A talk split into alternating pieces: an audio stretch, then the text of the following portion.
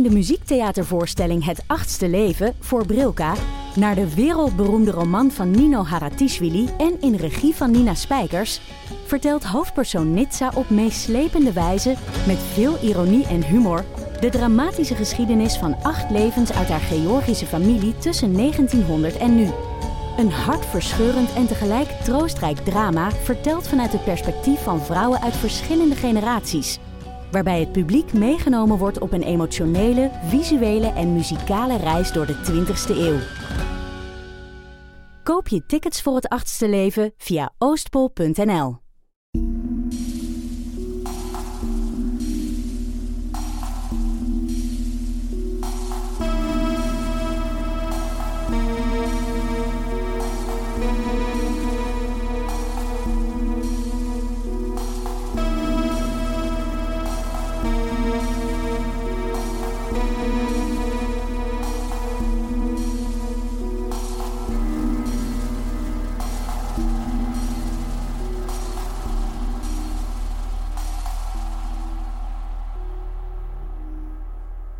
Welkom bij aflevering 37 van de Volksjury. Wij zijn Laura en Silke.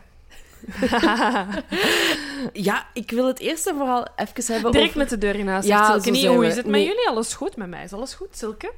Ik neem het mee voor de volgende aflevering. Ja, sorry, maar ik heb het gevoel dat we veel moeten vertellen. Dat is waar, dat is waar. We Eerst en vooral wil ik het, eh, wil ik het hebben over eh, Brita. Ja. Brita Kloetens. Ja, eh, er is een, ehm, een driedelige documentaire reeks op VRT. eh 1, de Belgische eh, Nationale Staats... Staatsomroep. Staatsomroep.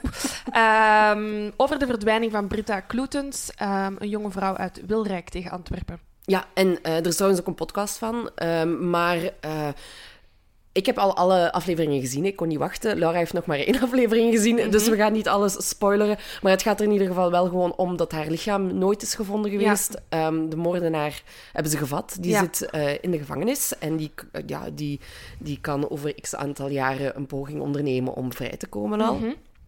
Ehm, maar wa- waarom ik het daar graag over wou hebben, is omdat het de eerste keer is dat er zo'n videobeelden Ja. gebruikt worden van, van het verhoor. Ha, het is gewoon de eerste keer dat er een, een true crime documentaire op, over een Belgische zaak echt ja, je hebt zo... Sally nog wel, hè? Ja, Sally heb je wel, maar ik, ik wou zeggen op, op de VRT, wat dat, ja. Ja. onze eh, staatstelevisie is, dus wat, wat door de overheid wordt gefinancierd. De openbare omroep, Ja, de openbare omroep, ja. staatstelevisie. Ehm, wat dat toch bijzonder is, dat onze, ja, de- niet onze regering rechtstreeks, maar dat ons land, ja financiering heeft voorzien eh, Ja. voor zoiets te maken. Ja, inderdaad. En, eh, maar ja, ik denk dan ook, net omdat het lichaam nooit gevonden is Mhm. geweest, dat ze het kunnen koppelen aan het feit van, ja, misschien komen er nog wel tips binnen. Ja. Ehm, en ik heb gehoord of gelezen ehm, dat er ondertussen vijf tips Oh, kijk, voilà. zijn binnengekomen. Dus hopelijk zit er toch iets tussen. Het zijn er niet veel. Nee. Er zal misschien ook wel wat kwatsch tussen zitten. Ja. Ehm, maar ja, wie weet komt het er Ja, wel iets weet. uit. En, en inderdaad, het, eh, de, eh, de documentaire begint ook echt met een, een pancarte met als je informatie hebt, Ja. contacteer. En dan de juiste telefoonnummers en mailadressen. Dus het is effectief... Het is wel echt, denk ik, de opzet is ja, deels mensen informeren over, over de actualiteit. Maar ook wel inderdaad van... Eigenlijk is het een beetje het publiek betrekken bij een onderzoek. En Ja, dat is ja, ja. leuk. Maar het, het, is, het, is, het is de eerste keer dat, er, eh, het, dat het verhoor van een verdachte Mm. zo op beeld wordt gebracht op televisie. En ja. het choqueerde mij eigenlijk wel, omdat... Oké, we, we hebben dat wel al eerder gezien, hè. eh, verhoren die gefilmd zijn en dat Mhm. dat dan in Amerikaanse series eh, wordt ja, getoond. Maar ja, dat is Amerika en Ja. dat is een ver van ons bedshow. Ja. En ja, dat doet ons bitter weinig. Ja. Maar deze gast, Tijl heet hem... die liep wel gewoon in Antwerpen rond Ja. met een kind en een lief en ging op vakantie en werkte gewoon in Ja, een. Honda-garage. Ehm, en ik ken die plek waar, dat, dat, waar, dat, waar dat haar auto gevonden is. En dat komt allemaal heel, heel, Heel, dichtbij. En om dan zo die, die arrogantie ervan zien af te druipen op die beelden, Ja. ja, ja dat deed me echt eh, heel Ja, veel. het was ook heel onaangekondigd. Hè. Ik had het dan opgezet eh, samen met mijn lieve mijn broer. En ineens zie ik, zie ik videobeelden en ik denk, eh, dat is een verhoorkamer. Ik dacht eerst dat het een reconstructie Ja, was. ik dacht dat ook, maar dan Ja. zag ik die tijl in beeld en ik zei, ja, nee, dat, dat is die. Dat is En hem. wij hebben, dat is hem! Dat is hem! en ehm, ja, wij keken echt met drie naar elkaar van, wow! Ja. Dit heb ik nog nooit gezien in België, dus dat is wel heel cool. Ik vond, het, ik vond het heel goed gedaan. Ik vond het een heel interessante zaak. Ook vooral ehm, de moeder van Brita komt aan het woord, een vriendin, haar nonkel. Heel sterk gedaan van de ehm, betrokken partij. alle, Echt waar. Ja, en ook, en ook zelfs de advocaat van, van Tijl komt eh, aan het woord. Ja. Ehm, wat ik wel opvallend vond, omdat dat komt in de andere aflevering aan bod, het lijkt me ook vanzelfsprekend dat, dat dit geen spoiler is, maar hij is dus, hij wordt geclassificeerd als een als psychopaat, als een kernpsychopaat zelfs. Dus de, dat ziet de- je na tien minuten beeld. dus de, de worst of the worst. Ja. Ehm, en hij heeft niet willen meewerken Mhm. aan de documentaire. Het is hem wel gevraagd. ja. En dat verbaast mij dan, omdat is wel een, eh, een psychopaat. Trekje daarvan is, is dat die narcistisch zijn en dat die wel in de picture willen komen met wat dat ze Hij gedaan heeft het hebben. ook niet tegengehouden, natuurlijk. Hij heeft het niet tegengehouden, maar ik denk dat hij waarschijnlijk op advies van zijn advocaat, Ja. dat, dat hij daarnaar geluisterd heeft. Allee, ja, het speculeren. Ja. Hè? Maar eh, dat vond ik wel een eh, opmerkelijk detail dat hem, dat hem niet zelf Ja, eh, wou deelnemen. ja. Maar goed, het is, ik raad u echt aan om de overige twee afleveringen te zien. Ik heb nog niet geluisterd naar de podcast, ehm, dus ik weet ook niet in welke mate dat er nieuwe, allee, of dat er andere Aanvullend informatie is, of aanvullend is, of dat het gewoon hetzelfde is als de serie.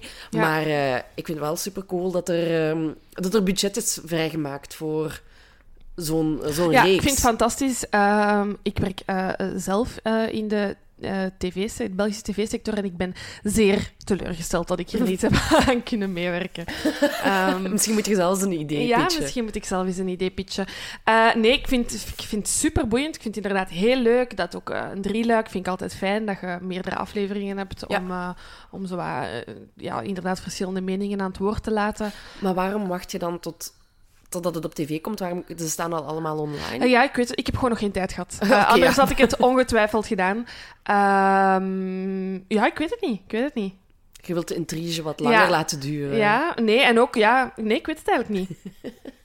Waarschijnlijk kijk wel- ik vanavond 2 en 3. Voilà, kijk, het is geregeld. Maar zeker een aanrader eh, voor diegenen die, die meer over de zaak willen weten. Ik denk dat wij hem ook ooit nog wel eens gaan eh, behandelen. Sowieso, ja. Ehm, want ja, wie weet...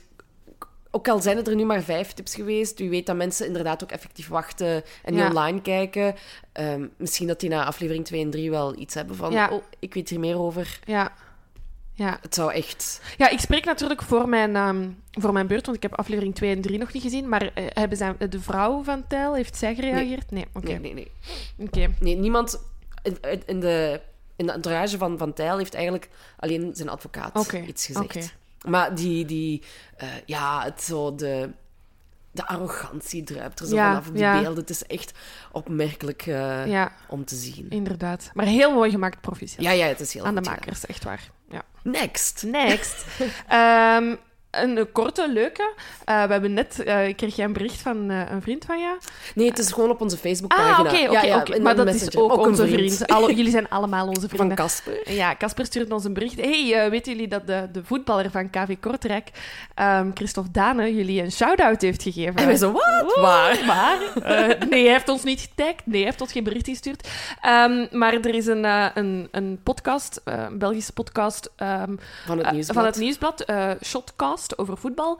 eh, Zo, waar, we, de- waar we uiteraard nog niet naar hebben geluisterd, sorry daarvoor. Ehm, maar het is niet helemaal onze leefwereld. Ehm, maar die nodigen, denk ik, eh, als ik het concept, we hebben het even opgezocht, ehm, die nodigen voetballers uit en die maken een podcast met en die spreken over Wat er gaande is ja, in de wat er gaande. ja. Maar blijkbaar, want het is de aflevering van, eh, die vandaag is gereleased, Maandag. maandag. Ehm, daar is Christophe Dane de gast, eh, dus verdediger bij KV Kortrijk. En die mens luistert naar ons. Als hem onderweg is naar zijn training of als hem zich aan het voorbereiden is op een wedstrijd. Ja, Dat is toch echt...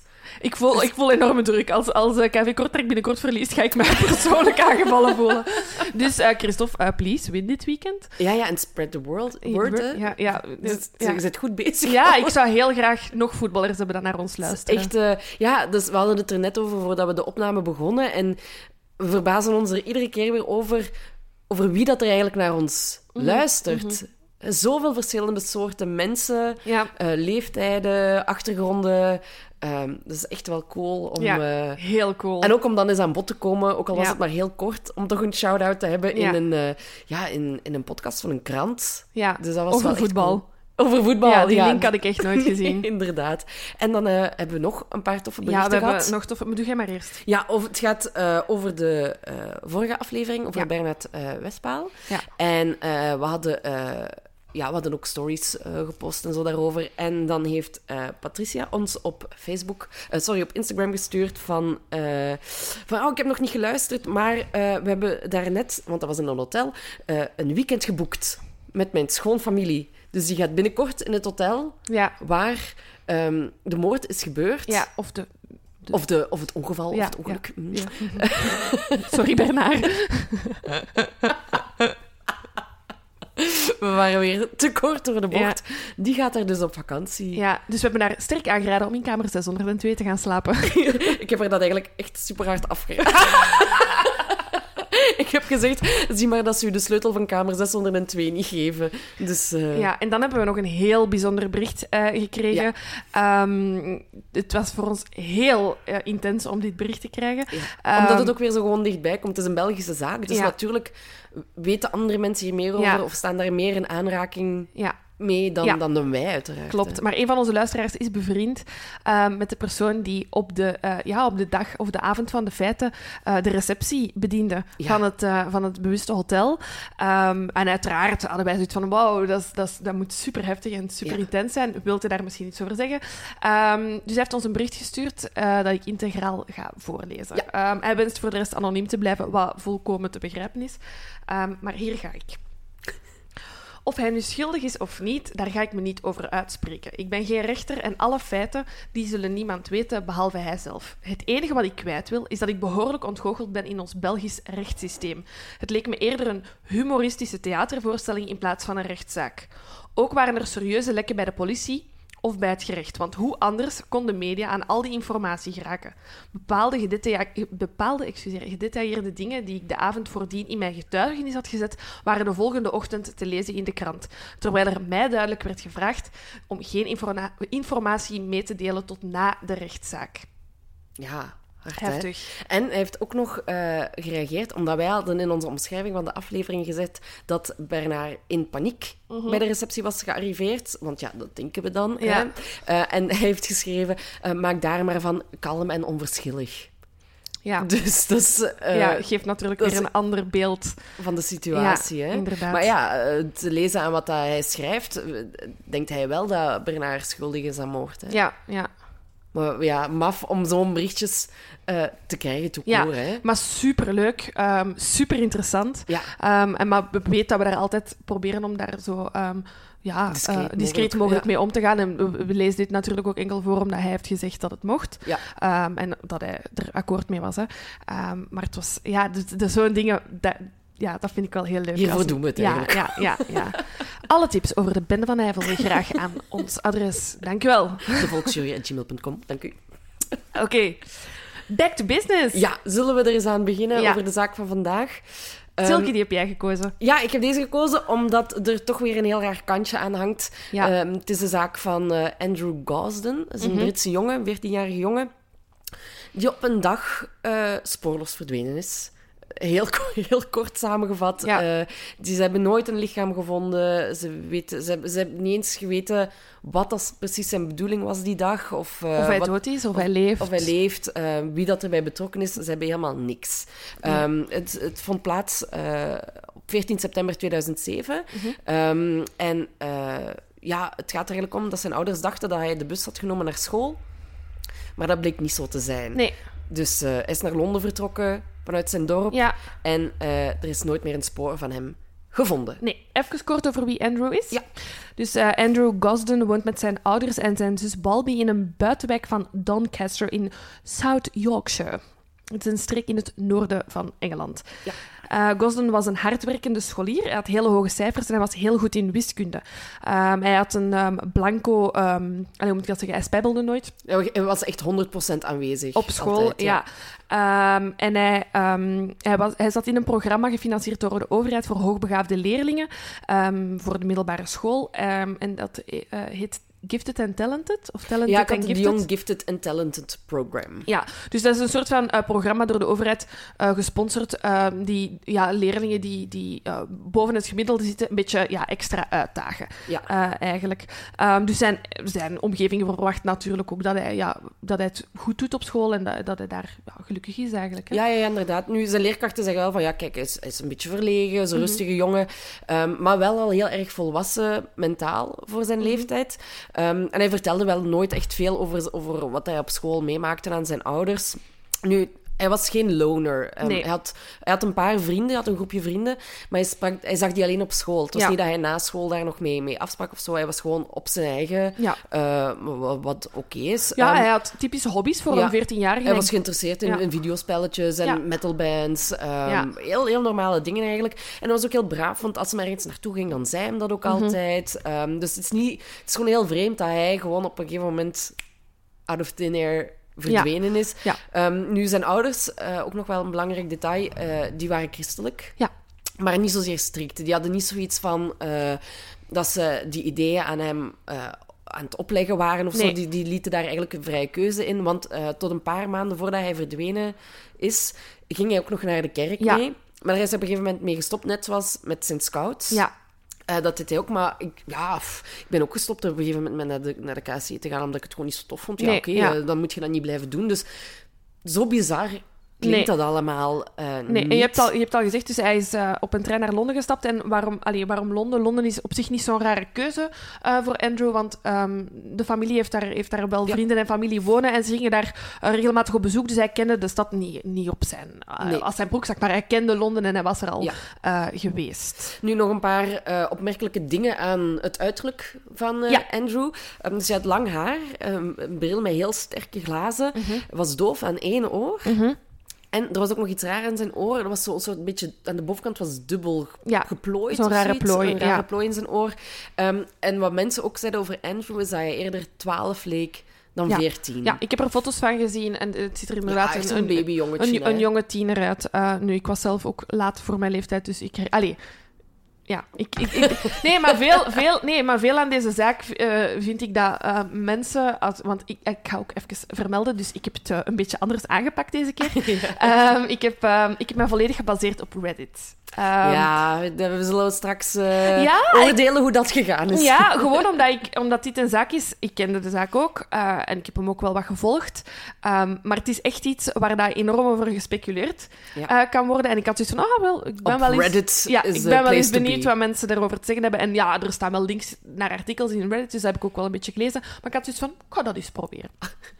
Ehm, nee, en dat, maar dat is dus iets wat ik, al, wat ik de moeite vind om te vermelden aan deze zaak. Is ehm, enerzijds hoe mensen eh, een 14-jarige tiener onderschatten en anders, anderzijds overschatten. Ehm, ik denk dat dat heel kenmerkend is aan deze zaak, is de leeftijd en, en ja, het puberbrein eigenlijk. Ja, dat, voor- dat is voor mij echt iets heel kenmerkend aan deze zaak. Ja, dat gaan we ook zeker terugzien. Ja, Hè? ja. Nu, ik zou graag willen beginnen met het moment dat ze hem eigenlijk ontdekt hebben dat, ze, dat, dat hij er niet meer was. Ja, goed. Ehm, dus we zijn 14 april 2007. Mhm.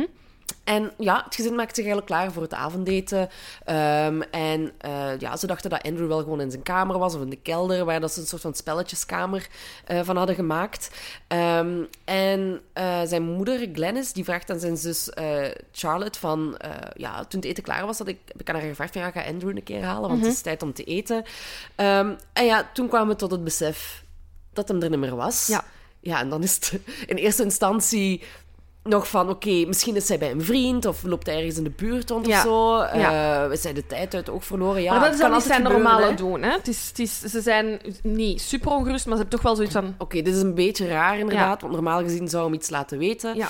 Ehm, maar goed, ze bellen dus naar vrienden, maar ja, die zeggen dan, maar ja, niet gezien. Eh, en dan blijkt dat hij heel die dag... Dan pas komen ze erachter dat hij die dag ook niet op school is geweest. Ja, want je zou inderdaad denken... Ja. ehm, ik heb nooit gespijbeld. Ik heb ook maar ik heb wel... ehm, ik, ik heb wel vrienden gehad die gespijbeld Ja. hebben. Ehm, en ik, bij mij is dat echt zo... Dit heeft mij echt ook zo teruggetro- allee, Ja. terug gecatapulteerd naar de middelbare school. En ik herinner mij dat er in tweede middelbaar bij ons... Dus dat is ongeveer de leeftijd van Andrew.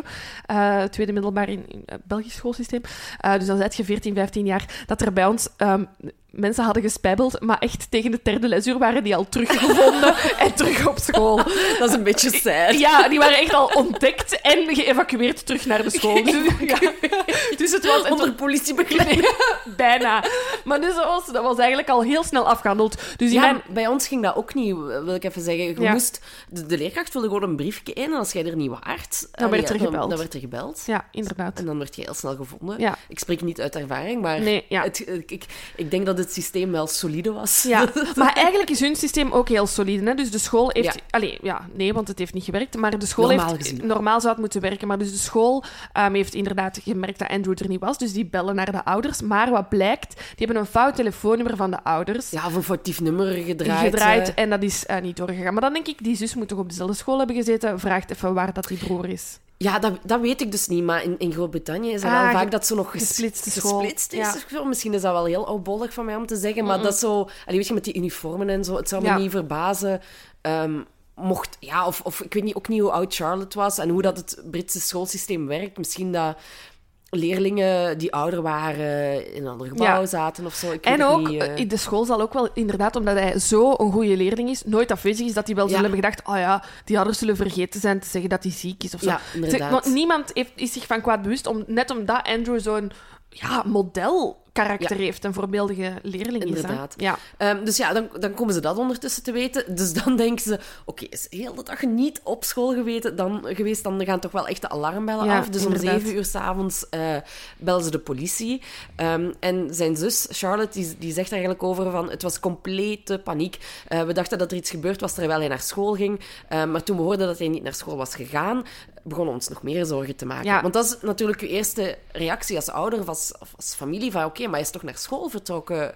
Dus er moet onderweg van thuis tot aan school moet er iets, gebeurd zijn. Ja, ook even vermelden dat Andrew normaal de schoolbus neemt. Hè? Ja, dus, dus zij hebben zoiets van, ja, oké, die bushalte is hier een paar honderd meter verder, dan is er echt, ja, op 100 meter iets gebeurd, want hij is ook niet op de schoolbus geraakt. Nee, nee, nee, inderdaad. Nu, maar wat bleek? Ja. Hij heeft... ehm, ze hebben dat kunnen afleiden uit, uit camerabeelden van in de omgeving. Ja, Is dus eigenlijk dat... eh, ja, zijn moeder zegt wel al dat het een beetje een moeilijke ochtend was, dat, dat Andrew wat chagrijnig was. Wat ook niet voor zijn normale doen was. nee, hij had een ochtendhumeur en dat was opmerkelijk. Ja, opmerkelijk. Ehm, maar dan blijkt uit die beelden dat eh, Andrew, eh, de ouders zeggen dan nog, hij heeft zich klaargemaakt om naar school te gaan en is effectief om vijf over acht naar buiten gegaan om de bus te pakken. En heeft gewoon gezegd, bye, see you later. Alsof er niks hè, ja, aan de hand, is. ja. Ehm, just like on any other day, zei Glennis daarover. Ehm, maar hij, hij, hij, hij neemt de bus niet. Hij loopt een beetje verder naar het park Ja, ga- loopt daar een beetje rond, gaat daar op een bankje zitten ehm, en wacht daar eigenlijk totdat iedereen vertrokken is. Ja. Gaat dan terug naar huis, ja. doet zijn uniform uit en doet zijn, zijn hemd en zijn broek in de was. Mhm. En zijn, zijn blazer hangt hij over een stoel. Precies zo van, kijk, ik ben thuis of... Thuis eh, geweest. Ja, thuis de- geweest. Het moet een soort van gewoonte zijn, hè, dat hij na het school zijn kleren Ja. in de was steekt, zodat als iemand hem zoekt, die kleren ziet en denkt, hij is thuis hij geweest. zal boven zitten of whatever. Eh, inderdaad. Ehm, en hij doet dan een, eh, een jeans aan en een t-shirt met het logo van Slipknot, Ja. hè, de metalband, eh, aan. Ehm, en dan eh, ja, vertrekt hij weer. Ja, hij heeft, ehm, hij heeft een paar spullen mee. Dus Ja. hij heeft een rugzak mee. Ehm, ik vermoed niet zijn boekentas, maar een soort van rugzak eh, waar dat ook allemaal... Want ik denk dat dat dan niet mag op zo'n Britse school. Eh, met allemaal pins van, Ja, van alle nee, dat zal vast niet gewoon. met allemaal pins van bands die hij leuk Ja, vindt. super cool. Ik had dat vroeger ook. Ja, ja, Slipknot, Muse. Ja, die nu niet. maar nee, nee, maar dat zijn de bands waar hij naar luistert. Dus die rugzak neemt hij mee. Hij stopt daar zijn PlayStation-console in. Dat is zo... Dit, PlayStation Portable. ja, ik moest echt... super erg, maar aan mijn broer, die heeft... Juist, en mijn broer eh, was ook jonger dan ik. ehm, had ook, was ook zo, ja, heel erg geïnteresseerd in games. En, en hij had ook zo'n console, dus ik zie dat al voor mij. Dus hij pakt dat mee, stopt dat in zijn rugzak. Ehm, hij stopt de lader, de oplader van het toestel niet in zijn rugzak. Dus hij heeft enkel die console mee. Eh, zijn portefeuille neemt hij mee en zijn huissleutel. Ja, dat, dat is een belangrijk detail. Hè? Ja. En dan gaat hij ehm, eigenlijk eerst naar de bank. Ja, maar wat hij niet meeneemt, Ja, wat ik ook sorry, wel ja. opmerkelijk vind, ehm, is dat hij zijn paspoort niet meeneemt. Hij neemt ook geen jas of trui mee. Ehm, en eh, ja, dus hè, zoals jij zei, zijn lader. En hij had ook ehm, voor zijn verjaardag had hij eh, een geldpotje en daar zat 100 pond in. Dat heeft hij ook gelaten. Dat heeft hij ook niet meer Ja. gepakt. Ehm, hij gaat geld afhalen met zijn bankkaart. Dus hij heeft een, een eigen eh, bankaccount. Ondertussen zijn we half negen. Ja, eh, hij haalt geld af en er staat... eh, dus hij haalt 200 pond af. Ja. Er stond 214 pond op zijn rekening. Ehm, en dan hebben ze dat achteraf gecontroleerd. En je kunt uit die bankautomaat enkel briefjes van 20 pond of meer afhalen.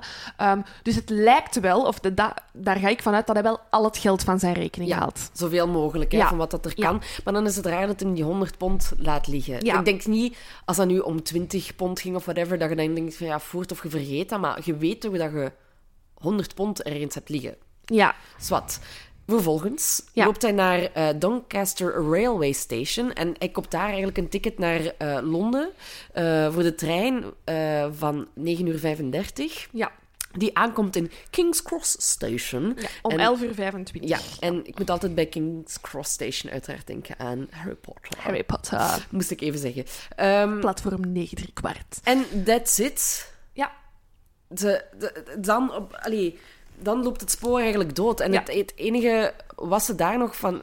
Het feit dat ze zijn te weten gekomen dat hij een ticket heeft gekocht en naar Londen is gegaan, is omdat er een vrouw naar voren is gekomen die het ticket aan hem heeft verkocht. Ja. Omdat die zegt van ja, het was toch wel een beetje vreemd, want hij was wel jong. En hij wou ook... Ik, ik vroeg hem of hij een retourticketje wou. Ja. Want ja, je verwacht toch dat iemand ook terug wilt komen. Ja. En daar heeft hij nee op gezegd. Ik heb Ja. het hem uitdrukkelijk gevraagd en hij wou het niet. En het kost ook maar een beetje meer dan een one-way ticket. Ja. Dus ja, het, het voelt wat vreemd aan dat hij ehm, ja, geen retourkaartje heeft ja, gekocht. daar heb ik al van alles over te zeggen. Ja, dat dacht ik al. en, ehm, Ik ken alle Reddit-gebruikers. en hij heeft dan eigenlijk... ehm, ja, hij heeft die trein genomen. Getuigen hebben hem gezien, zijn daarover naar voren gekomen. En die zeggen van ja, er was eigenlijk niks vreemds aan met hem. Hij was toch zo gewoon echt geobsedeerd bezig met zijn, met zijn, Ja. zijn Game Boy zeggen, maar hoe? Ja. Zijn eh, PlayStation Portable. Ehm, en op camerabeelden is nog te zien dat hij uitstapt op King's Cross Station Ja. om 11.25 uur. 25. Ja. Ehm, en dat zijn eigenlijk de laatste keer dat hij gezien is geweest. Maar die camerabeelden zijn wel pas 27 dagen na zijn verdwijning opgedoken. Ja, kunnen we toch al even, 27. even vermelden dat de politie pas na 27 dagen die beelden heeft opgevraagd. We, we leggen het even neer. Toch hè? even zeggen, ja. Voilà. Het onderzoek en het verloop eh, van de zaak. Ehm, het eerste ehm, idee dat bij de, eh, bij de onderzoekers naar voren is gekomen, ehm, is dat het niet Andrew zijn eigen keuze is geweest om naar Londen te gaan en dat iemand hem moet hebben geholpen of hebben uitgenodigd. Dus ze richten Ja. zich heel hard ehm, op zijn eh, vriendenkring, op de vriendenkring van de ouders, op ehm, familieleden die dat dan in Londen wonen. Ja. En die worden allemaal ondervraagd van, ja, eh, heb jij Andrew misschien uitgenodigd? Ehm, of heeft hij u gecontacteerd? Eh, maar dat draait eigenlijk Nee. nergens op. Hè? Iedereen valt uit de lucht. Niemand heeft hem gezien. Niemand heeft recent contact met hem gehad.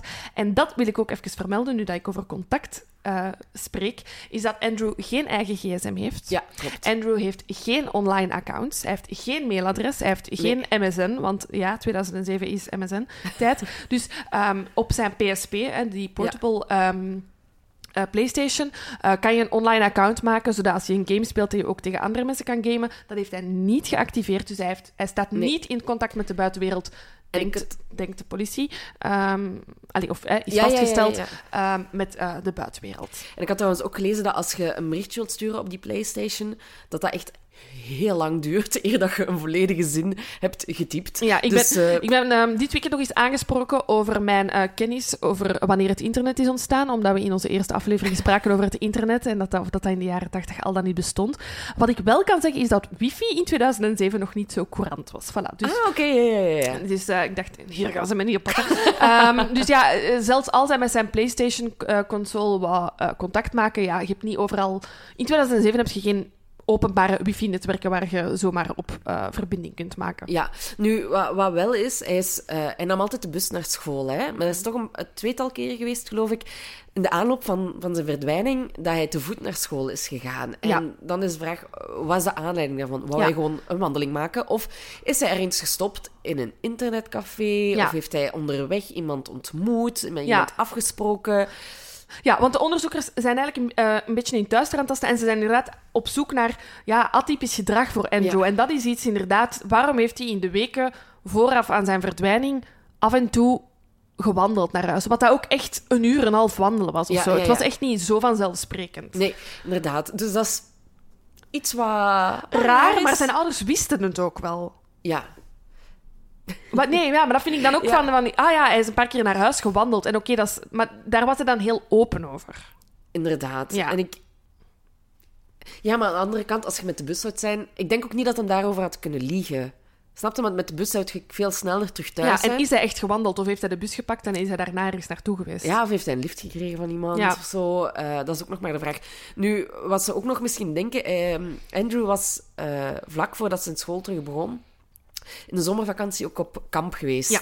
Ehm, en dan is de piste van, ja, heeft hem daar iemand leren Ja. kennen misschien die hem gegroomd heeft? Ja, Om- grooming is, ehm, is, is ja, eigenlijk ja, kinderen, ja, dit is, ja, ki- kinderlokkers Kinderlokkers, eigenlijk. ja. Ja, zeker. Ja, en inderdaad, dat zomerkamp, eh, dat is ehm, een bijzonder zomerkamp, want dat is gelinkt aan dat overheidsprogramma waar dat Andrew bij is aangesloten. Dat is dat Gifted and Talented programma, die dan zomerkampen doen, eh, ja, waarbij dat, ehm, ja, iets intelligentere kinderen dan samen eh, de zomer spenderen. En zijn ouders zeiden daar ook over, als hij daarvan terugkwam, was hij uitermate enthousiast en gelukkig. Ja. Ehm, hij, had, hij had het er echt wel naar zijn zin gehad en hij was er echt blij. En hij heeft daar ook heel hard over verteld, terwijl hij normaal een beetje ja, ingetogen was. En dat hij daar echt wel heel open over was. Ja. Dus dat was voor hem wel een fijne, of een fijne of bijzondere ervaring. Ja, maar het, het levert niks op, hè.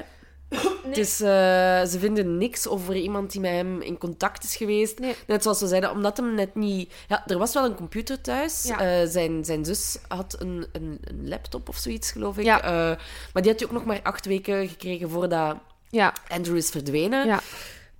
Dus, en dat- ja, dus daar is ook niet echt iets mee, mee gebeurd. Nee, het onderzoek loopt echt een beetje vast. En ehm, wat er wel is gebeurd, er zijn enorm veel eh, missing posters. eh, Ja, ze zijn ehm, echt gaan flyeren. gaan flyeren eh, in Londen, maar ook in, in Yorkshire, waar dat hij afkomstig van is. Ehm, en dan zijn er wel een aantal tips binnengekomen ehm, van mensen die hem zouden gezien hebben in Londen. Hè. Sommige waren heel ongeloofwaardig, maar er is toch één sighting van Andrew Ja. ehm, dat, maar, dat opvallend is. En dat zou... eh, Andrew zou gespot zijn op de dag van zijn verdwijning in de Pizza Hut in Oxford Street, eh, een drukke winkelstraat ehm, in Londen. Ehm, en die persoon die hem heeft gezien, eh, heeft zijn gedrag en zijn doen be- beschreven.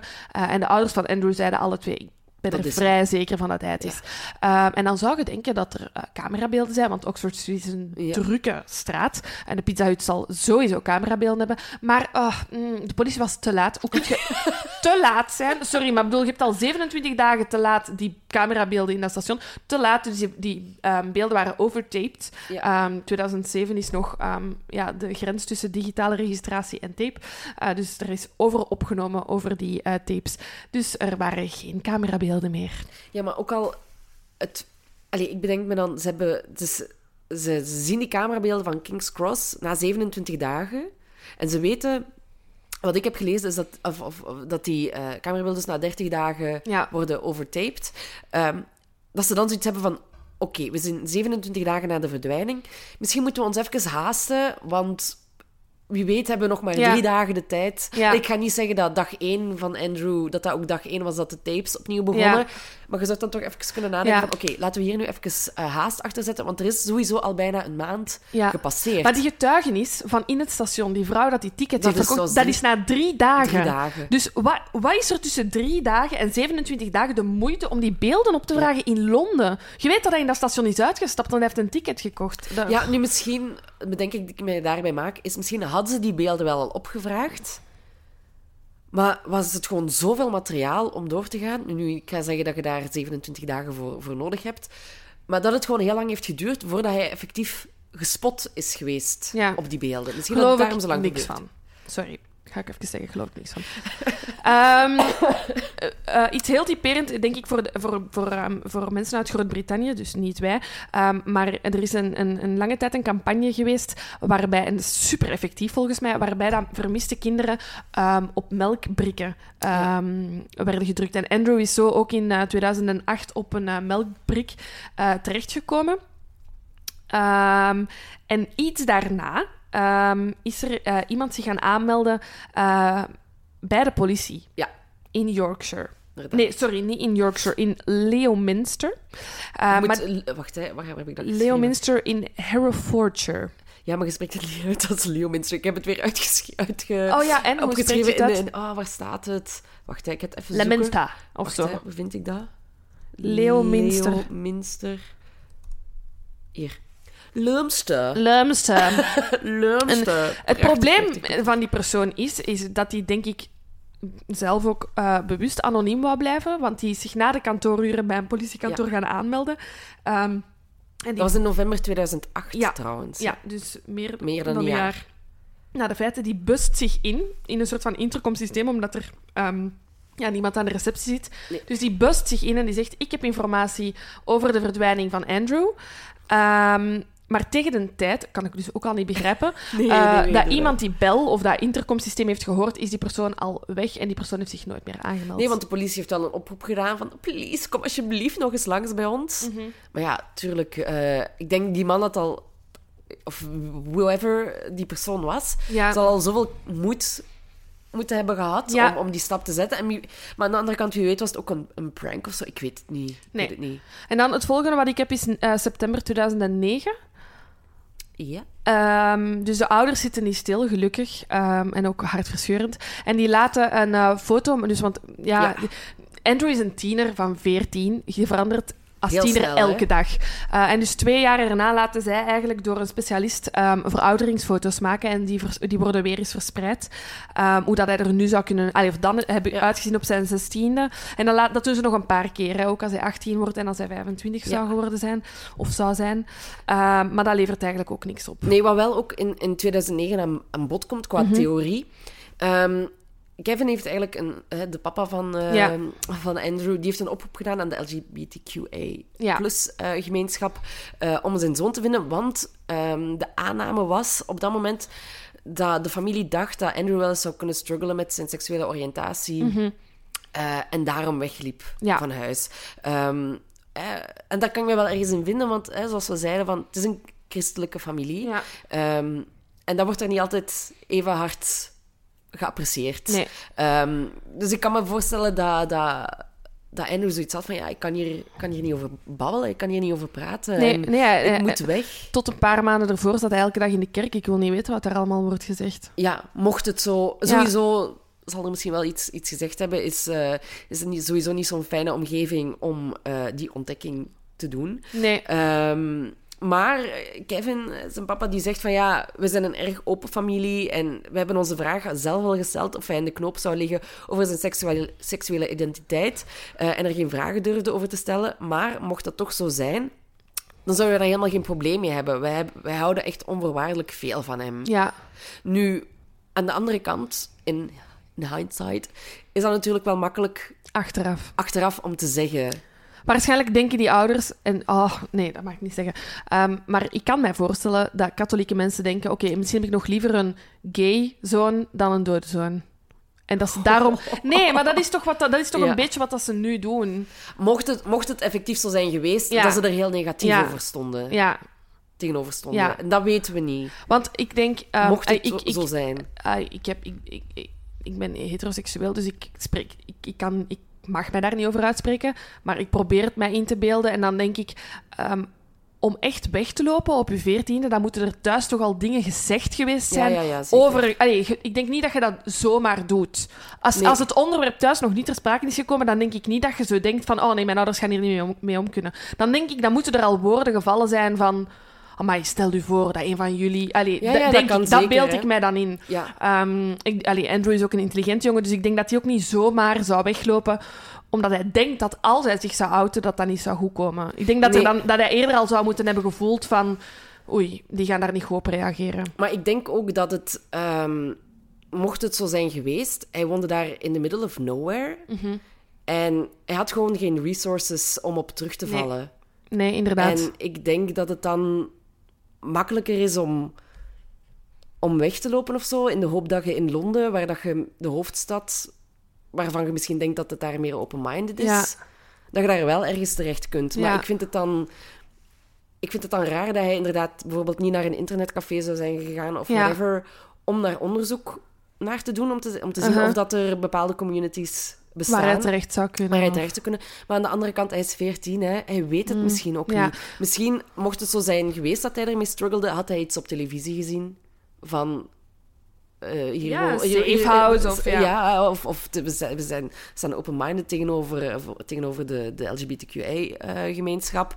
Ehm, maar het- ja, ik vind dat we te weinig weten van Andrew, Ja. of over Andrew, om hier een uitspraak over te kunnen doen of het al dan niet legit is dat hij. Ja, dat dus, maar zullen we, even struggelen. gewoon, zullen we even gewoon naar de theorieën gaan? Ja, ja, dat alles. is goed. Dat is goed. Ehm, want om het, om het even kort te zeggen, maar het onderzoek ja, loopt vast. Hè? Eh, ik heb enkel nog op, ge- gevonden dat de ouders uit eigen beweging in 2011 de Thames, eh, de, de, eh, de rivier die door Londen stroomt, ehm, met een scanner hebben laten afgaan op zoek naar een lijk. Lijk gevonden, maar niet dat van Andrew. Spijtig genoeg. Allee, en wel goed voor het andere, on, allee, niet geïdentificeerde lijk, ehm, dat dat is bovengekomen. Maar het onderzoek loopt vast. Hè? Ehm, en dan begint het speculeren wat er zou kunnen gebeurd Ja, zijn. inderdaad. We hebben er al eentje, hè, we hebben er al twee eigenlijk besproken. Hè? Het feit van dat hij gegroomd zou zijn geweest, Ja. of familie zou hebben bezocht. Ehm, en over het feit of dat hij dan eh, ja, met zijn seksuele identiteit zou struggelen en dan van huis is weggelopen. Maar eh, een heel interessant is eigenlijk nog dat hij misschien naar een concert zou gegaan Ja. zijn eh, in Londen. Ehm, want ze hebben eigenlijk opgezocht wat voor bands Mhm. er speelden die avond eh, op eh, 14 september. Ehm, en dan eh, bleek dat te gaan dat er eh, twee concerten waren. Eentje van eh 30 Seconds to Mars en Sicket. Sicket. Yes. Dat is eh, echt zo een... Punkband. ehm, ja, maar het is zo mathcore metal, whatever. En ik hoop dat we nu niemand kwetsen door een fout eh, aan te halen. Het is iets van math, metal. ehm, en dan denk je al meteen, goh ja, Andrew was heel erg into wiskunde of zo. maar het zal er vast niks mee te maken hebben. Ehm, en het gaat eigenlijk om... Sicket was in eh, Groot-Brittannië. Ah, Ik ken er eigenlijk niks van. Eh, die hadden al eerder met Slipknot samengespeeld. En daarom was de gedachtegang dat Andrew misschien wel eens interesse hadden, had om, een- om een concert van hen te zien. Omdat het ook de laatste keer zou zijn dat die band zou optreden. Het was een soort Ja. van afscheidsconcert. Ehm, en die speelde in de Carling Academy. En dat is eigenlijk vlakbij King's Cross Station. Dus Ja. hij, hij moest helemaal geen taxis nemen of zo om daar te geraken. Ehm, het zou echt om een uniek evenement gaan ook. En de politie vond dat wel plausibel, dat, Ja. dat je daar naartoe zou zijn gegaan.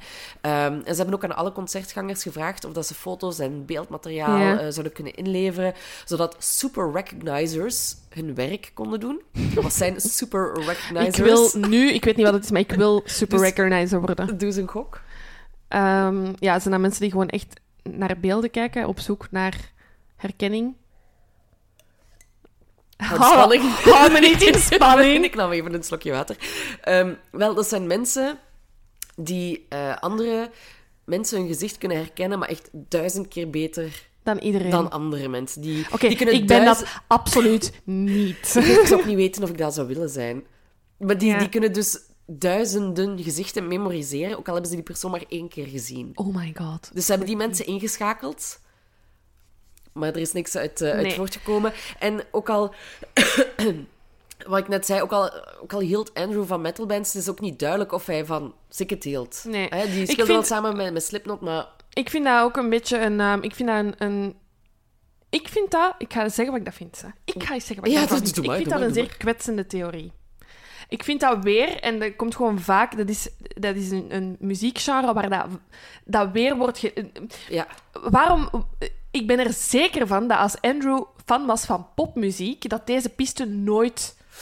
Oh, ik denk niet per se dat, dat ze daarmee het, eh, het genre in een slecht daglicht willen stellen. Nee, nee, ik denk, ze willen het genre niet in een slecht daglicht licht stellen, maar het is wel zo van... Ja, maar dat is een fan, dus die gaat daar zo... eens- Ik, ik vind dat een hele rare theorie. Ik zou ook...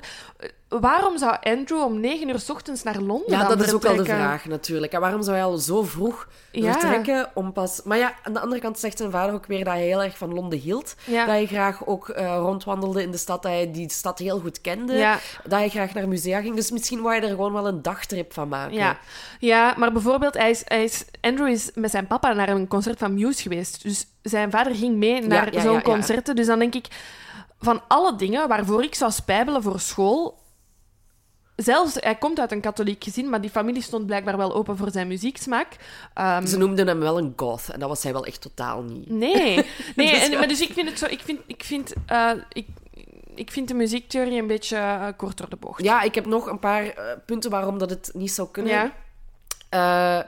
Inderdaad, van waarom zou hij niet gewoon zijn ouders dat vragen om daar naartoe te gaan? Want bij die concerten, of toen, die tijd, eh, was het zo dat je als minderjarige niet zomaar binnen mocht in die venues. Je kon niet zomaar een ticket kopen, hè, want dat was toen nog aan een, aan een booth, aan, aan het loket, eh, dat je een ticket moest kopen. Ehm, je moest, als je minderjarig waart, moest je, tot, allee, moest je sowieso iemand bij hebben die u begeleidde. Ja. Dus dan is de vraag, ja, heeft hem dan daar mensen leren kennen of zo? Maar dat is ook gewoon te random gewoon. Ik, ik vind ook gewoon de basis van heel deze... Of de basis. Een groot vraagstuk van deze zaak is... Of de standaardvraag is... Is hij uit eigen beweging, zonder enige invloed van buitenaf, naar Londen gegaan? Of, of was er iemand bij betrokken? Heeft hij met iemand afgesproken? Of ehm, eh, heeft hij iemand leren kennen? Of eh, ging hij daar iemand ontmoeten? Dat is vraag één voor mij. Ja, zeker. Ehm, en dan kan hij nog altijd inderdaad met iemand hebben afgesproken om naar dat concert te gaan. Maar dat, er, er, moet- dan moet er een, een tweede persoon bij gelinkt zijn. En ik ben er denk ik... ik voor mij is er een tweede persoon. Ja. Ja, ik, ben, ik, eh, ik ga dat nog even... Ja, eh, ja. Nu, ehm, er is ook nog een, eh, een, een, theorie dat... ehm, dat was in 2009 is deze theorie naar boven gekomen.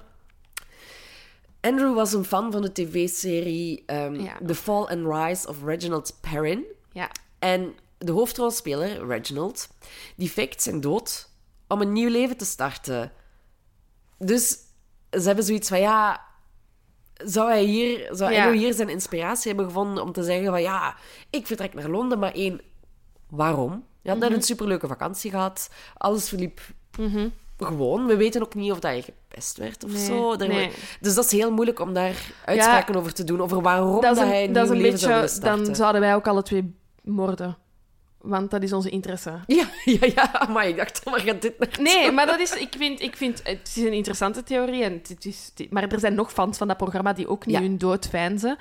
Ehm, Ik had ook ergens gelezen, dat tv-programma, dat is echt zo'n jaren zeventig programma. Ik heb de, de, de intro eens opgezocht en dat is echt heel oud. Ja. Echt, eh, dus ik, ik heb, ik heb gelezen dat misschien dat die papa gewoon wel heel erg fan was van dat programma. Ja. Hij zei tegen Andrew, kom, dit moeten we samen kijken. En dat Andrew gewoon zei tegen zijn vader, oh ja, echt een supercool programma Ja. Allee, snap je? Ja. En dat die papa dat wat fout geïnterpreteerd heeft of zo. Maar Ja, dat is dus ook iets, dat is iets wat ik, ehm, wat ik moeilijk vind aan deze zaken. Want dat ik in het begin Ja. ook al zei, is, Andrew is, is, ehm, is 14. En hoe hard onderzoekers en zijn ouders kunnen proberen om in zijn hoofd te geraken, niemand buiten jijzelf begrijpt u op uw 14. ja, ja, ja, zeker. Ehm, en ik denk dat dat het mo- moeilijke aan deze zaak is.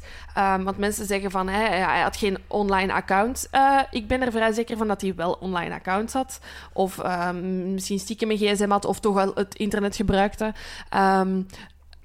Eh, interesse in muziek. En dat zijn allemaal dingen, dat is heel subjectief op je 14. Op je 14 zet je om de week van iets anders van. Natuurlijk, ja, ja. Denkt je om de week over iets anders. En ik denk dat dat moeilijk is aan deze zaak, omdat ze Andrew proberen in te schatten als persoon op basis van zijn ouders en zijn zus Ja. en zijn vrienden. Maar dat gaat niet, want een 14-jarige, je zit niet in het hoofd van een 14-jarige. Nee, nee, nee, zeker. Ehm, dus dat vind ik heel moeilijk. Ehm, en heb- ik, oh, ja, sorry. nee, zeg maar. Ik heb ook nog van, oké, als je dan een nieuw leven zou starten, waarom neemt je dan niet al je spullen mee? Mhm. Maar dat is ook het kwestie van onderschatten, overschatten. Waarom neemt hij zijn lader niet mee? Is dat één, omdat hij denkt dat hij hem niet nodig heeft? Twee, is hem die vergeten? Mhm. Of hè, drie, allee, of, of zoiets van, ja, neemt hem die bewust niet mee, omdat hij denkt, ja, ik heb die niet nodig? Of, of, want als ik mijn koffers pak, ja, laders, dat is het eerste waar je aan denkt Ja. om mee te nemen. Ja. Maar we zitten wel in het hoofd van een 14-jarige. Het is- en wie ik weet denk- is hem gewoon die vergeten. Terwijl Het is, het- ja. Ik denk dat dit... ehm, ik denk dat Andrew uit eigen beweging naar Londen is gegaan. Ik denk, ik denk wel dat hij eh, iemand ging Ja. opzoeken of iemand kende.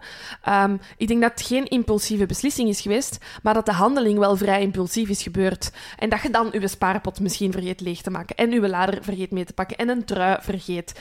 Ehm, dus ik denk niet dat, dat alles gepland was. En ik denk ook niet dat alles impulsief gebeurd is. Ik, ik denk ook toen ik pff, 13, 14 was of zo en ik ging op kamp of whatever, dan was mijn mama mij ook aan het helpen met mijn spullen te pakken. Hè. Ik wil maar zeggen, ik zou ook de helft vergeten zijn van, Ja, eh, ja. van wat ik zou moeten mee Ja, hebben. en ook echt als 14-jarige heb ik een periode gehad. ehm, en ik dacht dat ik daar uniek aan was. Maar eh, een collega van mij heeft nu een eh, 14, 15-jarige dochter. Ehm, en die eh, s- zei ineens op het werk... "Oh, weet je wat dat mijn dochter nu weigert? Een jas aandoen. en, ik, en ik zei... Oh, maar dat is zo typisch. Ik, ik had dat ook. Ik heb ook echt een periode gehad dat ik tegen mijn mama zei: "Eh, Sorry, ik heb echt geen mooie jassen meer, dus ik doe geen jas aan. Voor hetzelfde geld, het is duidelijk, hij, hij doet zijn schooluniform Hij wil uit. cool zijn, hè? ja, hij doet zijn Slipknot-t-shirt aan. Hij wil cool zijn. En misschien heeft hij zoiets van: Fuck it, ik wil geen jas aandoen. Of Nee, een... want dan zit je met een cool Slipknot t-shirt niet. Ja, Allee, kan ja. zoiets Dus het- hè. ik zeg het, het hoofd van een 14-jarige is ondoorgrondelijk. nee, maar dat is... Dus ik denk dat dat ook het moeilijke is ehm, aan deze zaak. Ik zou graag over de eh, theorie van zelfmoord even willen eh, spreken. Oh ja, doe maar. Ja, eh, dus het is ook naar boven gebracht eh, dat, ehm, omdat het gedrag van Andrew de laatste weken eh, wat anders was. Hè. Hij was gestopt met de scouts, hij was gestopt ehm, met naar de kerk te gaan, hij was een paar keer naar huis gewandeld. Ehm, dat, dat er werd ja, gedacht of toch geopperd van, oh, misschien was hij, zat hij niet zo goed in zijn vel. En ja, was hij suicidaal. Ja, en dan denk ik, nee. ik denk het ook niet. Ik denk niet dat je naar Londen gaat, een stad die je... Hij kent Londen wel, maar niet echt. Dan was zijn lichaam al lang gevonden. Ah, wel, ik heb net exact hetzelfde opgeschreven. Kijk eens aan. Nee, ik heb... eh, ja... Het is inderdaad maf, hè, van waarom zou je al die moeite doen om naar Londen te gaan? Oké, hij, hij hield van die stad, maar als je zelfmoord, eh, ja, ik weet het niet, wilt plegen, dan denk ik niet dat je nog heel die moeite doet om tot daar te gaan. Hij zat ook gewoon zijn spelletjes te spelen. Als je depressief bent, lijkt, ja, ik, ik weet het niet, ik spreek echt totaal niet uit ervaring. ehm, lijkt het me niet dat je zo ge- geobsedeerd door iets Ik denk dat zo, zo oppervlakkig. je... Nee, ik denk dat je naar een veilige omgeving gaat. Ehm, dan denk ik dat hij eerder inderdaad eh, niet naar school zou zijn gegaan, terug naar huis zou zijn gegaan en daar ehm, zelfmoord zou hebben gepleegd. Dus En dan zou inderdaad het lichaam zou gevonden moeten zijn. Want hij kan zich niet zodanig ergens, ja, ergens zelfmoord plegen waar, waar dat hij niet gevonden kan Nee. worden. Dus dat is, ja, dat is hem af. eh. Nee. Ik denk niet dat dat ook om zelfmoord gaat. Ehm, ja, voor mij... Ik, allee, of, of... Ik heb nog één dingetje. Ja, zeg maar. In september 2017, Oh ja, oké, ja, ja, ja. dat is eh, nog niet zo heel lang geleden, eh, zijn ze er toch weer, ja, dachten ze, we gaan toch nog eens iets proberen. En ze hebben dan eigenlijk ja, rondgevraagd of dat er ergens mannen ondertussen gevonden zijn die dezelfde prescriptie hadden voor brilglazen, of dat zijn DNA-gegevens ergens zijn opgedoken, eh, zoals zijn vingerafdrukken of tanden, ja, zo, uw tanddocument. Allee, als je naar. Ja, de tandarts ja, gaat, heb je ja. altijd wel ergens een document zitten, of dat die ergens zijn opgedoken. Ehm, dus ze gaan eigenlijk vanuit op dat moment dat Andrew nog in leven is ook. Eh, want ehm, de, de politie checkt ook echt jaarlijks eh, John Doe's in ziekenhuizen. Mensen die niet geïdentificeerd eh, konden worden.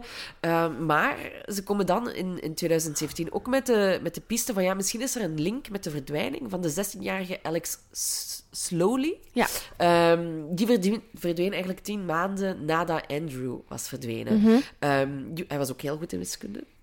Maar dat kan natuurlijk gewoon puur toeval zijn. Ik denk, meer- niet, ik denk niet dat er ergens een secte is die... Het eh, is onwaarschijnlijk, maar er zijn sommige mensen echt goed in wiskunde. Ik, ik geloof het ook niet, Ik, hoor er- ik denk dat ze mij absoluut niet moeten hebben als het zover zou zijn. Ehm, en wat is er met hem gebeurd? Hij was bij een vriend in Edmonton op eh, 11 juli 2008. En keerde terug naar huis, eh, omdat hij de volgende dag of de dag daarna jarig was. Mhm. Maar hij is nooit aangekomen. En ik heb een sad emoji-face erachter Ja, gezet. Want ja. dat is wel echt... Allee, je gaat naar huis, want je denkt, voor je verjaardag. Ja. En hij had ook weinig geld op zak, had geen kleren bij, ook geen paspoort. Ehm, en de politie zegt van ja, het was echt precies alsof hij van de aardbol verdwenen was, want er was ook geen camerabeelden, er was nergens te bespeuren. Ehm, dus ja, dan is het iets van ja, is er misschien ergens een seriemoordenaar aan het werk? Maar ik denk, Londen is zo'n grote stad, daar verdwijnen dagelijks mensen. Ja, helaas. Ja. Dat is, dat is onbeschrijfelijk. Ehm, ik heb nu geen cijfers, maar ik heb gehoord dat het immens is. Ja, Ehm, ja. ja, ik heb nog... dus ik denk niet dat ze te linken zijn. Nee, ik heb nog iets... ehm, de papa van eh, Andrew is gecontacteerd geweest door iemand. Ehm, die, die zegt van... Ik denk, dat ik, ik denk dat ik contact heb gehad met uw zoon. Ja. Ehm, Dat is in eh, 2018. Ja, ja. Het, ging, eh, het, het was een, eh, op een forum, een online eh, forum, eh, waar dat iemand ehm, ja, een soort van topic start en zegt van ja, kijk, ik, ehm, ik heb hulp nodig, want ehm, mijn partner en ik zijn uit elkaar. Ehm, ik ben op mijn veertiende thuis weggelopen. Eh, dus ik, ja, ik, ik heb geen identiteitsbewijs. Geen eh, ik- ja, ik heb geen bankrekening, ik heb niks. Ik heb, ik heb hulp nodig van iemand, want ja, hè, ik sta er alleen voor. En het, ja, de nickname dat die persoon gebruikte was... Wacht, moet ik zien dat ik het juist uitspreek. Andy Roo. Ja. En ehm, de papa van Andrew eh, reageert daar nogal verbaasd op, want hij zei van ja, wij hebben eh, Andrew heel vaak Roo genoemd. Ja, Andy Roo. gewoon, Andy. Roo was echt eh, een beetje zijn bijnaam. Ehm, maar ja, die persoon is dan niet kunnen getraceerd worden. Ze hebben, ze hebben dat inderdaad geprobeerd te doen, hè. Ehm, maar de, de website waarop dat, waarop dat, dat gesprek Ja. plaatsgevonden heeft, die had eigenlijk net het datasysteem veranderd, waardoor dat, ja, ze helemaal geen gebruikersdata eh, konden geven. Nee. Ehm, en de papa zegt, van, ja, sinds dat moment blijven we eigenlijk, ja, rijden door Lincoln heel vaak om te zien of dat we iemand tegenkomen die op Andrew lijkt. Ja, Maar ik heb ook bedenkingen bij deze... het is niet zo heel raar. Eh, Andrew en dan uw kind Andy Roo noemen. Nee, inderdaad. Ik denk dat iedereen zijn... Het, het, het, het, het extraatje Roo is blijkbaar heel... Komt heel vaak voor bij Britse namen om dat als koosnaampje Mhm. eraan te plakken. Dus het is niet zo heel... Nee, en ik denk voor iemand zo intelligent als Andrew, of gewoon e- eender twee, Ja. eh, die gaat niet op een forum outreachen ehm, voor hulp. Ik, ik ga er ook vanuit dat als Andrew inderdaad nog in leven zou zijn en een partner heeft en die laat hem zitten, dat hij ondertussen wel een soort van vriendenbasis zal hebben, Ja. waar dat, er andere opties Ja, zijn zeker. ehm, dan online. Ehm, Nu, ja, dat, dat zijn mijn theorieën. Ja, Ik heb zoiets van... Oké, hij had zijn huissleutels mee. Ik denk dat Andrew al echt de intentie had om terug naar huis te gaan. Mhm. Ik weet niet wat, wat de aanleiding is geweest waarom hij per se naar Londen wou gaan. mhm. Maar ik, ik, weet, ik, ik, ik kan me ook niet uitspreken of hij daar, daar met iemand heeft af willen spreken. Mhm. Maar het is wel heel abrupt natuurlijk. Hè? En er is ook over na, hij heeft erover nagedacht. Want hij heeft Ja. gewacht totdat zijn familie weg was. Dus hij ging iets doen wat niet door de beugel kon. ja. Ehm, maar ik denk... Of ja, door de beugel kon hij spijbelen. Laat Ja, ik het daar ja. op steken. En misschien met iemand afspreken die hij had ontmoet op inter- internet. Dat weet ik niet. Ehm, maar eenmaal in Londen is er gewoon iets gebeurd. ja. Eh, is hij daar iemand tegengekomen die... Allee, misschien had hij het plan om alleen te gaan. Ja. Heeft hij daar iemand ontmoet? Ehm, of heeft hij daar een ongeval gehad? Eh, dat ja. Maar dan, ik denk als het een ongeval geweest was, dan zouden ze hem gevonden moeten hebben. ja, Of, nog erger, hij zit ergens in een kelder vast. Ja. dat denk ik. Of hij is verkocht eh, Ja, dat denk aan, ik. aan het buitenland. Ik ja. denk, ehm, ehm, wat voor mij, Andrew zijn gedrag is voor mij, eh, hoe dat ik, want ik lees ook gewoon wat ik online lees, Ja. is voor mij veranderd sinds dat zomerkamp. Ehm, ik denk dat hij daar iemand heeft leren kennen.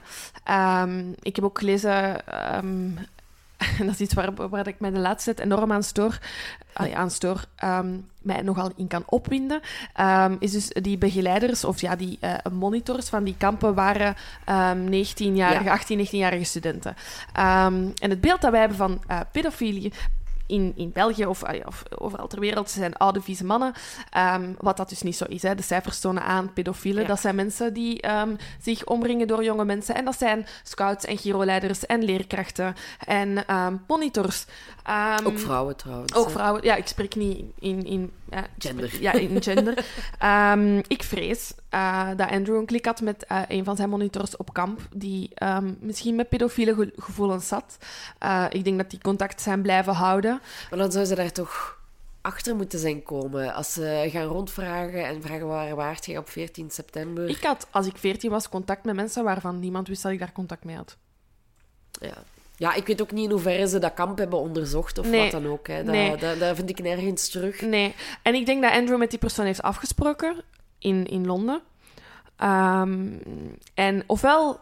ehm, dus voor mij is dat ofwel inderdaad een 19-jarige met pedofiele gevoelens, wat super eh kut is. En misschien weet je ook niet hoe dat hij daarmee moet handelen. Ehm, en ofwel is hij daarin in, hebben die elkaar effectief ontmoet. Ehm, ofwel heeft Andrew iemand leren kennen op dat kamp, al dan niet ouder of jonger. Ja. En heeft hij daarmee afgesproken in Londen. En is die persoon niet komen opdagen. Want ik denk dat het wel een afspraak was, maar ik denk dat het een vrij impulsieve afspraak Ja. was. En dus voor, voor mij is ofwel die persoon met wie hij heeft hoe- afgesproken, de persoon met negatieve, gevo- gevoel, allee, met negatieve Ja. bedoelingen of onbewust negatieve bedoelingen. Ofwel is die afspraak nooit doorgegaan en voelde Andrew zich enorm beschaamd en gegeneerd op dat moment. En heeft, is hij dan in contact gekomen met iemand die hem.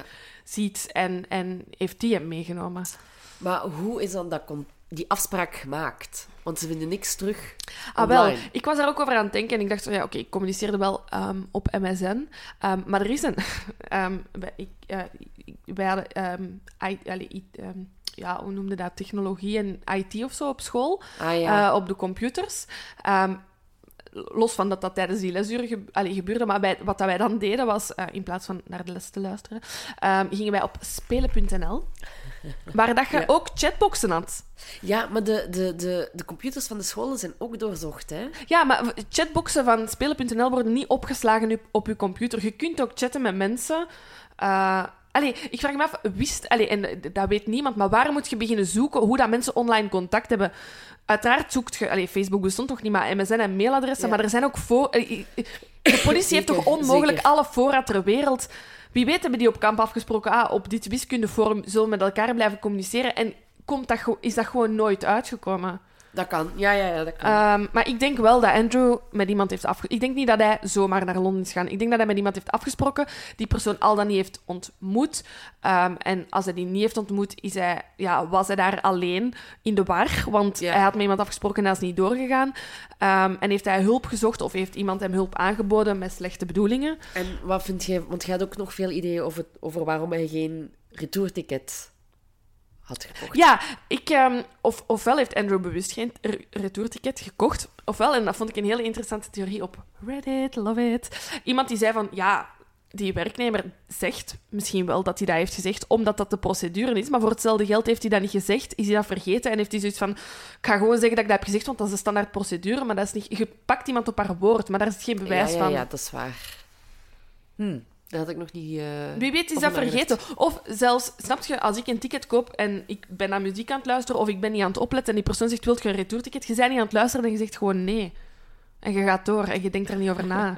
Ja, wat, wat ik daar nog over gehoord heb, is Ik vind dat gewoon een heel belangrijke getuigenis Ja, waar daar niemand anders bij was. Dat is woord tegen woord. En ja, Andrew zijn woord weten we natuurlijk niet. nu, stel dat, dat, het, dat de concerttheorie toch deel uitmaakt Mhm. van het grotere geheel. Misschien dat hij geen retourticket heeft gekocht, gewoon om het feit omdat hij nog niet wist om hoe laat dat hem de trein terug naar huis Maar zou dat nemen. ook, dat, dat is perfect mogelijk. Voor hetzelfde geld dat ging, ook, hij, ging hij inderdaad weg. Allee, en, en, en had hij zoiets van, ik zal zondag wel thuiskomen. Ja, inderdaad. Of, eh, want eh, een, een, een retourticket kostte maar 50 pence of whatever Ja. het is, eh, meer dan een gewoon enkeltje. Ehm, maar ja, waarschijnlijk is dat alleen maar voor die dag geldig. Ja. Of is dat maar voor een bepaald uur geldig. Eh, dus hij had zoiets van, ja, ik ga hier nu niet eh, extra geld aan betalen. Eh, we zien dat straks wel, of, Ja, of niet. ja. Ehm, maar hij heeft het gepland. Ja, en ik denk ook, want mensen hebben ook zoiets van, ja, waarom Londen? En dat is toch een lang... Ik, hij is zeer bewust naar Londen gegaan. Je stapt niet zomaar op een trein naar Londen. Dat is ook ver, hè? Ja. Want de, sommigen zeggen van ja, maar er zullen wel mensen geweest zijn die dan gezegd hadden van ja, we geven nu wel een lift terug. Maar dat is drie uur rijden of zo. Ja, hè? Het was echt nee. heel ver van, eh, van waar Nee, hij woonde, ja. Londen. Het is niet zomaar even eh, dat, dat ik va- vanuit Antwerpen zeg, ik ga naar Hasselt, want dat is ook niet... Allee, Groot-Brittannië is veel ja. groter dan, dan, dan Vlaanderen. Alleen al, het is, je zit echt lang onderweg. Mhm. Dus er is wel echt bewust over, over Ik denk dat hij een... ehm, ik, ik las ergens, a teenage mind is very illogical. En dat is effectief wat, er, Ja. wat hier volgens mij echt super belangrijk is. En ik denk dat hij heel impulsief heeft beslist, oké, ik ga dat doen. En Ja. ja, ik, allee, ik heb ook... dit is veel te persoonlijk, maar ik ga het toch zeggen. Ehm, ik, op mijn 15, wat dat één jaar ouder is dan Ja. Andrew, dus ben, ik, ben ik ook op een avond op een trein gestapt naar een liefke van mij, die echt aan de andere kant van België woonde. En ik had dat niet eens tegen die, tegen die jongen gezegd. We zeggen die cat? Ik zeggen die ket. Ik heb dat niet tegen die ket gezegd. En ik stond daar ineens, snap je? Dus je Ja. doet gewoon heel onlogische dingen. Ja, en ik heb toen je ook tegen mijn ouders gezegd dat ik bij vrienden ging slapen. Oh ja, ja. Oh mijn god, en mijn mama luistert vanaf nu naar deze podcast. Dat was ik al vergeten. ook. Sorry, mama. Kijk, maar nu Maar mag alles nog. komen. Hè? Ja. Nu, nu kan alles verteld worden. Nu, ik heb gewoon nog een paar reacties van de ouders ook. ehm, en hoe dat, ja, na al die tijd... Allee, wat dat ze nog gedaan hebben Ja. en zo. Nu, de, ze hebben zijn camera altijd gehouden zoals die was. Ze hebben net Mhm. alleen een nieuw likje verf eh, gegeven. Eh, ze hebben ook nooit de sloten veranderd. Ja, omdat hij die huissleutel mee had. En ik heb weer een sad emoji Ja, maar dat is super sad. Ik vind Ja. het ook echt super zielig voor die. Ergens hoop ik dat Andrew dit bewust heeft gekozen, dat hij ergens aan een gelukkig nieuw leven is gestart. Maar dan vind ik het nog Ja, altijd zo erg voor die ouders. Ja, zeker. Ik heb dan zoiets van, ja, laat dan op zijn minst... Geef een teken van leven. Ja. Hoeft niet per se... Zeg gewoon van, I'm alive, maar... That's it. Ik, hoef, ik wil Ja. geen contact meer. Wat er ook gebeurd is. Hè. Dat kan, hè. Dat er Ja. ergens een conflict is. We hebben alleen het perspectief van de ouders. Ja. En die kunnen natuurlijk zeggen dat alles roze geur en Ja, maneschijn was, inderdaad. maar Ja, ja, We weten het niet. Ehm, en ook zijn bankrekening is nooit meer gebruikt. Nadat hij dat geld heeft afgehaald eh, in 2007. En eh, Charlotte heeft in een interview gezegd dat, dat, hij, dat ze steeds nog over Andrew denkt in de huidige tijd. Ja. Ehm, omdat, eh, ja, we nemen nog steeds aan dat hij leeft, totdat we iets anders ja. te weten komen. Ehm, maar het wordt steeds, met de jaren die vorderen, steeds moeilijker om dat te, te geloven. Ehm, van ja, ze denkt van ja, zou ik nu op straat lopen en passeer ik mijn broer zonder dat we het van elkaar weten? Omdat ja, hij ziet er ook helemaal anders uit. Ehm, Ik denk dat je die herkent. ik denk het ook. En vooral ook omdat ze echt- een uniek kenmerk heeft aan Ja, zijn nee, ik ook, denk hè. echt de dag dat je... Ik denk dat je... Zelfs als je iemand 10, 20 jaar niet ziet, ik denk als je die kruist, dat je dat... Ja. En dat hoop ik ook wel. En ik heb, ik heb nog een interessant eh, cijfer. Ehm, er zijn momenteel in de Verenigde, Sta eh, Verenigde Staten, Verenigd Koninkrijk, ehm 3000 mensen vermist, al voor tien, allee, gedurende, die al tien jaar vermist zijn. Ja. Dat is Fuck. keiveel. Dat is echt heel veel. Dus eh, Maar die cijfers zou ik voor België ook wel eens willen weten. ja, ja, ja, ik, was ook, ik bedacht het mij ook inderdaad. Ik Ja. ga het eens opzoeken.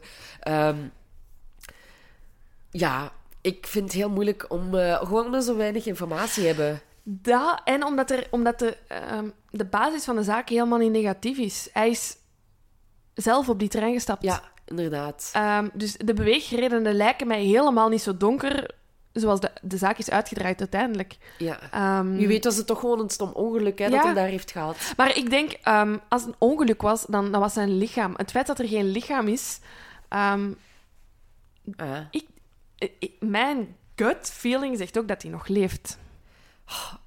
Hoe, Ik weet hoe niet waarom. erg ook, want stel dat hem dan ergens vastzit in een kelder. Ja, Hij leeft wel nog. ja. maar ik En we, de- we weten zo vaak, er zijn al zo va- veel verhalen eh tevoorschijn gekomen van mensen die jaren in een kelder hebben gezeten, of whatever waar, vastgezeten gewoon.